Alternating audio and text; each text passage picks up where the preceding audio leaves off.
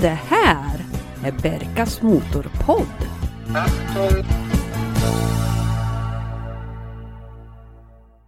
Hej och välkomna till Berkas Motorpodd avsnitt 23 där vi fortsätter våran pratstund med Fredrik A. Petersens som är Radiosportens Formel 1-expert kommentator. Och vi var inne lite grann på Ayrton Sennas, eh, ska vi säga, politiskt inkorrekta inställning framförallt till tävlingsledningen. Ja du, det kan man lugnt säga att det var kontroverser. Den första krocken mellan eh, Alan Post och Raiton i Japan i sista chikanen. Eh, Alan stannar för han vet att nu vinner jag VM-titeln. Raiton fortsätter, eh, knuffas iväg och eh, eh kör alltså genom, eh, kör utanför banan. Vinner loppet, eh, blir diskad för man säger då att han har inte kört hela banan. Och på presskonferensen så får han frågan och jag tror aldrig jag har hört så många svordomar på så kort tid. Och vad man hade glömt, det var att Aiton var en nästan helgonförklarad i Japan. Man hade glömt att högtalarna runt banan var påslagna. Så att alla japaner som kunde höra engelska, de lärde sig nog en massa nya svordomar den eftermiddagen. Och det gick ju så långt, han, han kallade ju Ballester för bandito, maffia och, och jag vet inte allt och hotade med att lägga av. Det gjorde han också tills han blev övertalad att komma tillbaks nästa år. Och då tog han ju hem den och körde på Alain i första kurvan. Och då blev Ayrton världsmästare och Alain tvåa. Men de blev vänner några år senare. Och jag kommer också ihåg i filmen när Ron Dennis har tagit fram olika klipp där förare gör precis samma manöver genom den här chikanen eller den här avåkningszonen ska man väl säga. Och det inte blir några bestraffningar. Så han måste ju ha skällt ut Balestre och kallat honom menar och andra för att åka på det där då. Ja, det skulle man nog kunna påstå att han gjorde. Men Balestre var ju också en, en, en eh, diktator skulle jag säga. Det, Eh, jag vet en, en, en, en fransk kollega, vi, vi var några stycken som var mycket förbannade på Ballester därför att han hade tagit bort den permanenta eh, pressackrediteringen för en fransk journalist som hade skrivit eh, mycket negativt om Ballestre. Och så sitter vi på presskonferens nere på Paul Ricard och då var vi några stycken som har sagt att vi skulle ställa negativa frågor, eller ställa frågor om den här, vad som hade hänt. Och det var det en utav som hade sagt från början att han skulle vara med men sen hoppade av den och sa att jag arbetar ju för eh, en tidning som ingår i Ballestes imperium och jag vågar inte. Eh, det tyckte jag var lite fegt måste jag säga. Men eh, han var så, han kunde, det var inga förarmötena med Ballester, det var inget möte, det var en, en, eh, en timmes dialog.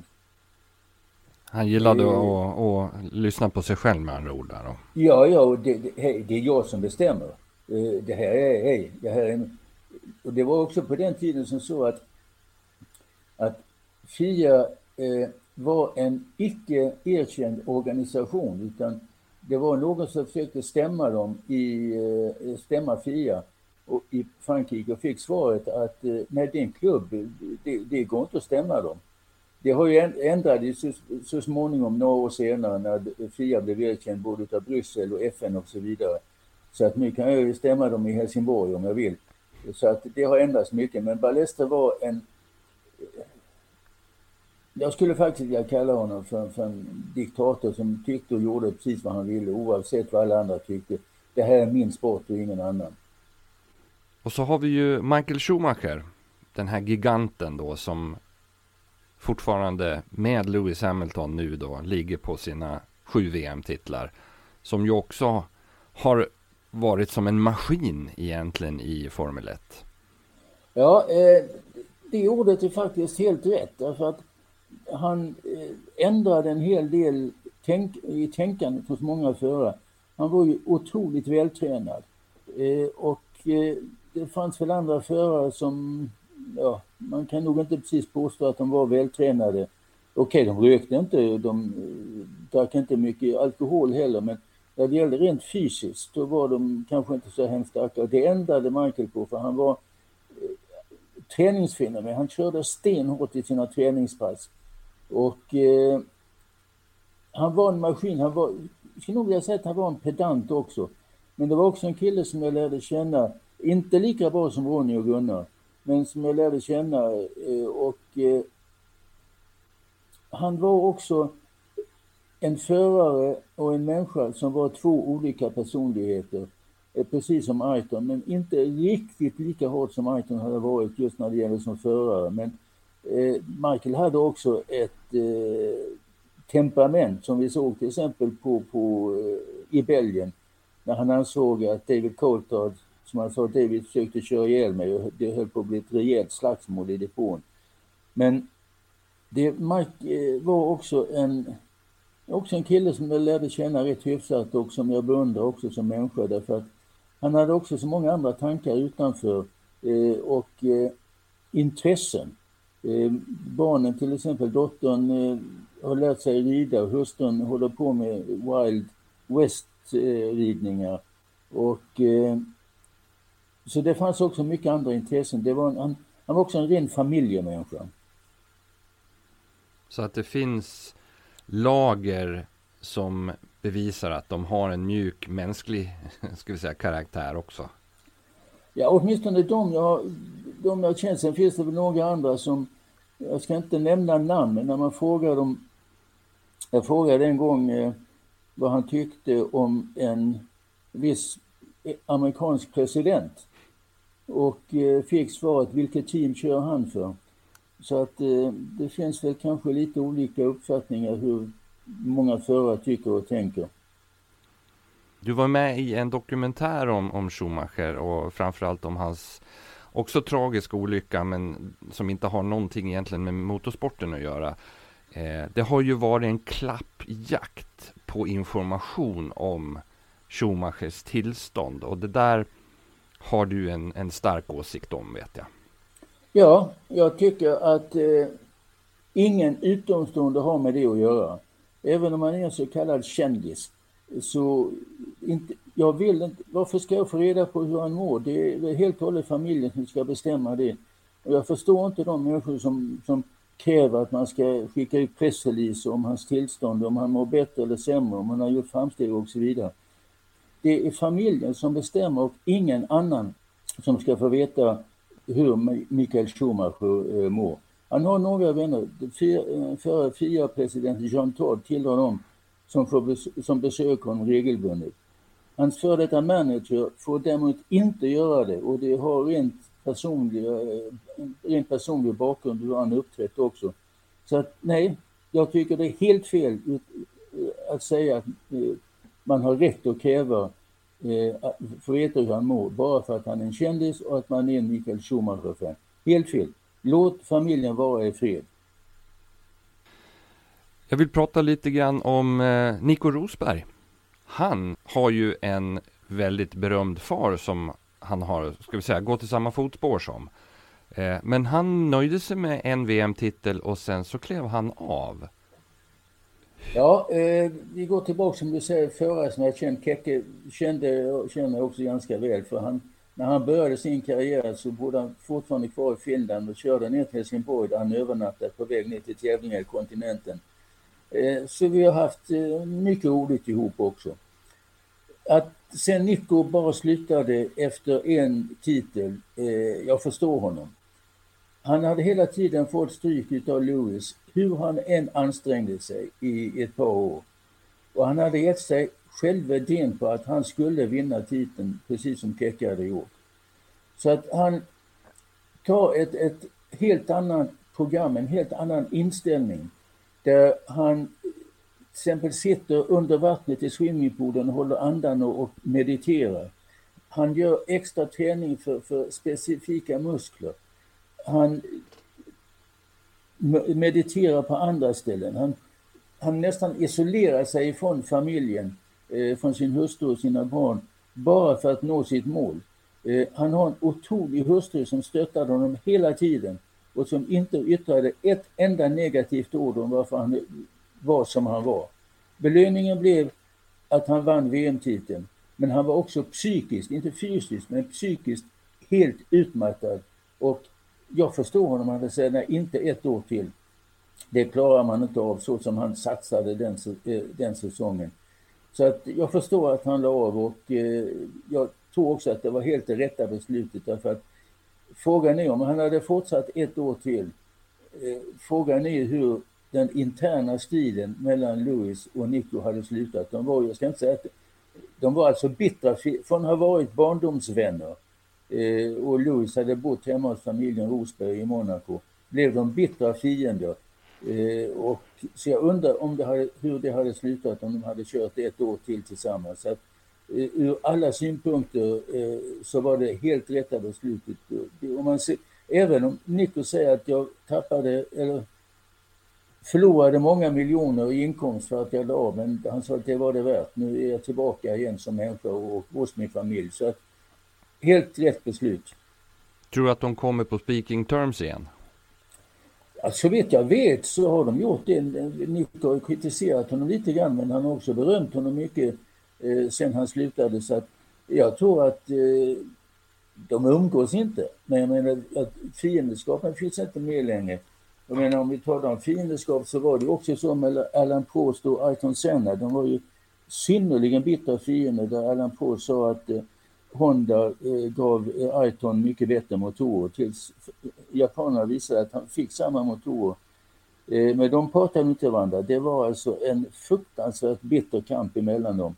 Tills Erland sagt att han skulle sluta och de satte sig i, om jag minns rätt så var det i Ungern, de gick till Tyrolstallet som fanns då in i deras husbuss och satt där i ett par timmar och pratade och kom ut som goda vänner och eh, Alain var ju en av dem som sedan bar kistan i, till begravningen i São Paulo. Så att där ser man hur bitter fiendskap kan vändas till vänskap. Men så långt i vänskapen tror jag inte Nico Lewis har kommit. Jag vill ta upp en annan sak som jag är lite intresserad och fascinerad av och det är Malaysia Grand Prix 2013. Mark Webber och Sebastian Vettel. Och det finns någonting som de kallar för Multi 21. Japp. Ja, det var, eh, det var ju en teamorder att eh, Daniel ledde ju att, eh, och, och Seb var tvåa. Att eh, den ordningen skulle man behålla. Men eh, det gick inte så och det sprack väl också, om inte vänskap så åtminstone ett, ett, ett rejält samarbete därför att Seb körde ju om Danny. Och jag tror att varför han gjorde det får man nog gå tillbaka till Turkiet där de två eh, kockade. Där eh, Seb tyckte att det var Danny som hade gjort fel. Och det tog lång tid innan Christian Horner kunde lugna ner bägge och få dem att åtminstone prata med varandra. Och någon fredspipa röktes aldrig mellan dem. Vad kan man säga om stallorder? För det var ju inte första gången och vi vi har ju Ronny som ett praktexempel på hur det går till att vara nummer två. Vad, vad är din åsikt om stallorder? Jag tycker det är käpp rakt i skogen. När det gällde Ronny och Mario så var det liksom klart från början. Jag bägge, visste ju bägge två hur, hur saker och ting skulle fungera. Men när man får en teamorder under loppet, eh, det tycker jag är käpp rakt åt skogen. Jag vill också ta dig tillbaka här till den 10 september 1978, Fredrik, om det är okej? Okay. Ja då. Du är på plats i Italien inför Monzas Grand Prix. Mm, ja. Minns du hur dagen börjar och hur du kommer till banan och förbereder dig? Ja, det var inget speciellt utan jag kom, vi bodde inne på ett hotell inne i Milano eh, som då ne, ne, jag tror det hette Hotell Andersson som låg nere vid stationen. Och vi tog oss ut på banan och det var liksom normala förberedelser. Pratade med Ronny, eh, det kom en, en svensk som bodde på Rivieran eh, och det är väl ett av de sista korten tror jag som finns på Ronny där han står med två hundvalpar, verkligen små hundvalpar i, händerna eh, och tittar på dem. Och sen pratade vi om allt möjligt, chanserna inför loppet och eh, resan till andra, över Atlanten och eh, ja, det var absolut inga ovanligheter på något sätt. Och sen när det började närma sig loppet så gick jag och Christer upp under tunneln upp till eh, huvudläktaren där vi satt allra längst upp precis under taket. Där, var, där satt vi helt, där fanns inga Båsen och sånt där utan man sitter helt, satt helt öppet där. Ronny Petersson skulle starta sitt 123 Grand Prix på Monzabanan den 10 september 1978. Men redan på träningen så hade han kraschat sin Lotus 79 så kraftigt att den inte gick att återställa till loppet. Teamet hade en reserv 79 men den var inställd och passade den kortare stallkamraten Mario Andretti. Så Ronny fick återgå till den äldre Lotus 78. På så sätt kvalade han in längre bak i startledet än brukligt eftersom Lotusbilarna denna säsong var mycket konkurrenskraftiga. Det var inte sällan som Petersson Andretti kvalade in som P1 och P2. Och eh, sen gick ju starten. Fältet flaggades iväg, starten gick. Det var ju en, en icke professionell start utan det var liksom en kändis på den tiden som ofta eh, utgjorde, eller var starten som inte hade en aning om egentligen hur det gick till och släppte iväg fältet innan Ricardo Patrese hade kommit fram till sin startplats. Och han kommer ut ur sista kurvan eh, och eh, naturligtvis med full fart och har ett helt gäng långsammare bilar framför sig. Så han kör ju om den ena efter den andra på eh, utsidan och kommer fram till ett, eh, där den gamla banan går åt höger, den bankade delen och den vänstra delen är den nya banan. Och där är ett staket eller ett räcke som skiljer åt och precis innan det så svänger han in. Och där finns James Hunt som självklart inte förväntar sig att någon kommer på utsidan utan han tittar bara på, på vänster sida, så på innan. Och då blir det en smäll och så blir det en kedjesmäll och sen vet vi alla vad som hände. Så att det började brinna och det rök och så vidare. Och eh, då sa jag att, jag vet inte hur, jag, det bara så att det är Ronnys bil som brinner. Christer sa att nej, vi, vi tar det lite lugnt tills vi ser, verkligen ser vad som har hänt. Tyvärr fick jag rätt. Och eh, där ser man också hur kollegorna var på den tiden. Att de som var runt omkring med James Hunt Eh, och ett par andra till, de var ju snabbt framme för att hjälpa Ronny att ta ut honom ur bilen. Och eh, han hade ont utan tvekan och sen kommer eh, Sid Watkins som inte var tävlingsläkare då för han eh, tyckte att arrangörerna på den tiden att nej det kostar för mycket, vi har vår egna läkare. Och Sid blev stoppad utav den italienska polisen. Men han hann ändå se eh, och pratade med honom och se skadorna och sa till mig efteråt när jag frågade honom att eh, det är inte så farligt. I värsta fall får, vi får de amputera en tå, men han kommer definitivt vara med i eh, Brasilien nästa år. Bekymra dig inte. Men eh, tyvärr så hände någonting under natten så att eh, Ronny gick bort under natten. Han du ta det till sjukhuset någonting efter loppet? Ja, jag var där på, eh, självklart, för jag trodde ju liksom att Sid hade helt rätt, så jag åkte till sjukhuset eh, på måndagen för att kolla och eh, fick ju där, för det första fick jag en chock när jag kom in i sjukhuset därför den här stora entréhallen det var spindelväv, det var fimpar på marken eller på golvet och, och ostädat i största allmänhet.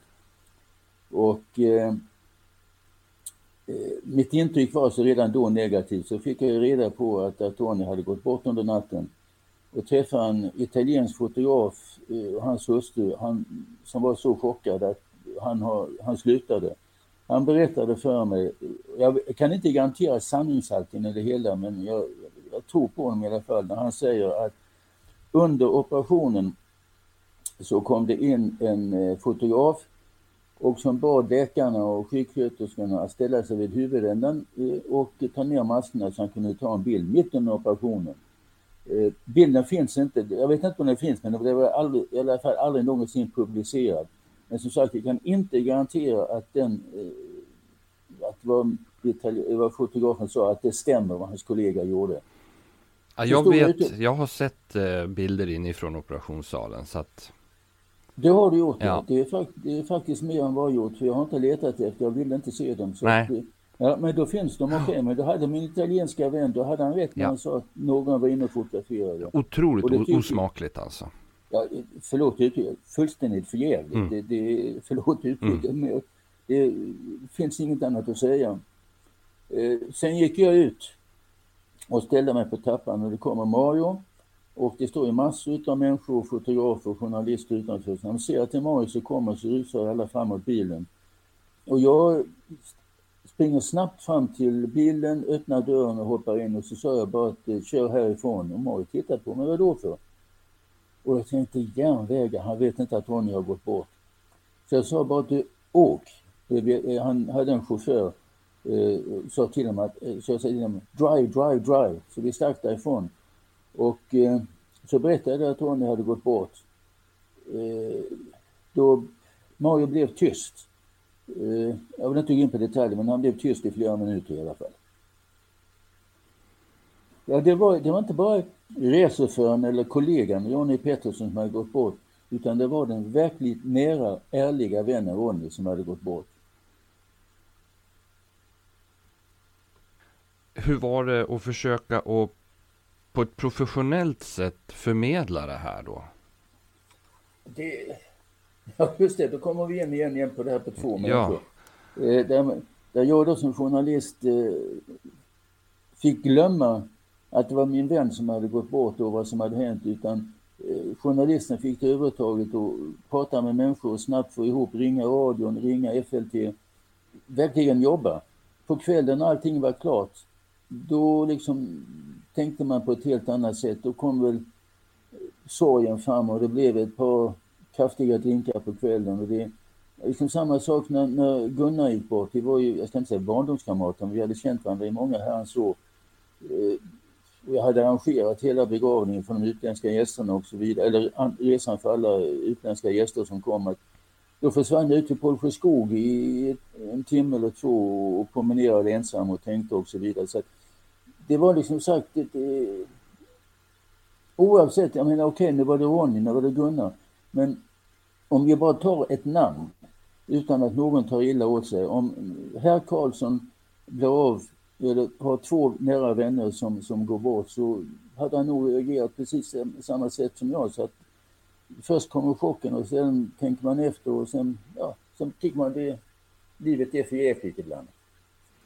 Hade ni någon möjlighet, för ni var ju en skara människor som hade det här som yrke att följa, följa med och rapportera vad som hände i, i motorsporten. Och jag tänker då kanske på Janne Svanlund och alla de här som, som också var med. Kunde ni träffas och bearbeta och prata om det här tillsammans eller skötte ni det var och en på sitt? Som jag kommer ihåg det så skötte vi det var och en sitt. Därför att eh, Svanlund var ju på tvn så att han hade ju sett det, Men jag kommer ihåg att eh, en mycket god vän till Ronny som hette Gugge Sandon, eh, som hade finansiellt eh, hjälpt Ronny i ett par år hade hyrt ett rum på, jag tror det var på Sheraton och satt upp, ska vi säga ett litet quizmöte, eller det var ett rum för eh, Barbro som var på väg som tyvärr kom alldeles för sent. Eh, det var Gugge själv som sagt också nära vän till Ronny eh, och, och Ronnys manager. Jag fick komma in också. På hissen upp så var en svensk journalist som aldrig någonsin hade varit på, på en motortävling och jag kunde inte eh, hålla tyst utan jag sa det, okej okay, det passar nu när vår största stjärna har gått bort. Han blev lite sur på mig men det, det struntade jag fullständigt i. För det var liksom den, lite grann utav den attityden som Ronny hade sagt innan eh, och som gjorde att han var kritiska mot några, inte alla, mot några svenska journalister när han sa som sagt, det skriver bara om, om pengar, sex och död. Och det var liksom, det hände just den, eller den dagen. Jag tänkte att vi skulle avsluta på en liten mera positiv, ska vi säga, note. Och, Tycker jag låter bra. Ja, jag vill, jag backar bandet ännu längre tillbaks då till eh, det franska Grand Prix 1973. För då lossnade för herr Petersson. Ja, det kan man lugnt påstå. Ronny var väl lite grann om man ska jämföra som Ingmar Stenmark att eh, jag menar som Ingmar sa en gång, eh, det är bara till att åka. Och det var ungefär vad Ronny gjorde också. Men, och liksom det här med det här glädjehoppet som Schumacher hade, eller glädjeexplosioner och så vidare med JP och hurra och så vidare. Det låg inte för Ronny utan det var mer när man, när man satt efteråt och pratade med honom. En, det finns ju det här gamla talesättet att en sten eller eh, försvinner från axlarna. Eller, jag skulle säga att det var ett ton som försvann ifrån Ronnys axlar i och med den här segern. Därför att då slog han äntligen internationellt igenom, även om många kände till honom sedan tidigare. Och framför allt kanske innan han vann, eh, när han blev riktigt känd internationellt, det var ju eh, den här enorma fighten med Reine Wiesel i F3-loppet i eh, Monaco som har gått till historien som ett av de bästa lopp, eh, ett, faktiskt ett av de bästa lopp oavsett klass som har körts i Monaco. Så att det, det var en, en otroligt lättnad ifrån Ronny. Det, jag kan inte beskriva det för att jag har inte upplevt någon liknande situation att, att jag har gjort eller fått något som har gjort att jag har blivit så otroligt glad. Men när vi satt, det var inte tu tal om att, att Ronny var over the moon som engelsmannen skulle säga. Och så har vi ju de här The Fun Old Days. Ja, eh, om vi börjar med att jag hade förmånen att jag fick bo hemma hos Mario ett par gånger och ena gången så var Ronny och Gunnar med också. Och eh, Ronny fick problem med en tand så vi gick till... Mario fixade det med sin gode vän, den polske tandläkaren. Och i, i Amerika så pratar man, drar man rätt många skämt om just polack utan någon anledning. Så att Ronny satte sig i stolen, Gunnar, Mario och jag, vi var också inne i behandlingsrummet. Och eh, tandläkaren startar borren och säger till Gunnar att öppna munnen och det gör han och så sticker han in borren i munnen. Samtidigt som han vänder sig till oss tre och börjar berätta någonting. Och man liksom såg hur Ronny blev blekare och blekare för han visste ju inte var borren var någonstans. Men tandläkaren är naturligtvis proffs så han visste ju exakt var han höll den. Men Ronny trodde ju att tandläkaren stod och pratade samtidigt som de var på väg ner mot den onda tanden. Så han var ju livrädd. Vi skrattade så tårarna rann. Eh, allting fixade sig till slut. Och eh, sen var det ett annat minne som jag heller inte kommer att glömma. Eh, jag är inte särskilt religiös av mig, men bland eh, Marios fans så fanns Fader Philip, en katolsk präst. Och eh, det var ett gäng utav Marios fans, inklusive Fader Philip och tandläkaren och några till som hade hyrt en, en husbil som stod på eh, banan uppe vid Watkins Glen utanför New York. Och vi sitter och pratar och det reser sig Fader Filip upp och reser sig och går ut med en dunk i handen. Eh, kommer tillbaka, ställer sig under markisen och står och pratar för sig själv och tittar upp på timmen, pratar, tittar uppåt igen och så kommer han in. Och då frågar jag honom, Fader Filip, vem pratar du med? Ja, det var ju så att, att vi har inget vatten längre och vi har inget vin heller längre.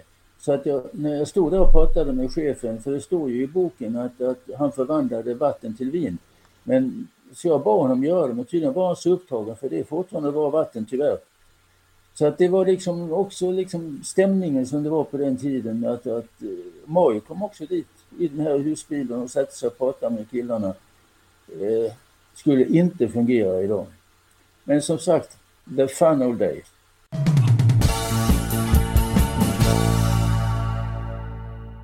Det var allt för den här gången från Berkas Motorpodd. Och jag vill rikta ett extra stort tack till Fredrik A. Petersens för att du tog dig tid att vara med i min Motorpodd. Hörni, vi hörs igen om två veckor. Tills dess, surfa in på hemsidan berkasmotorpodd.se och jag vill passa på att tipsa. Gå in på Spotify eller Youtube. Sök på George Harrison och låten Faster som han skrev efter att ha träffat hela Formel 1-gänget under en säsong. Och kör så ni trivs. Det här är Berkas Motorpodd.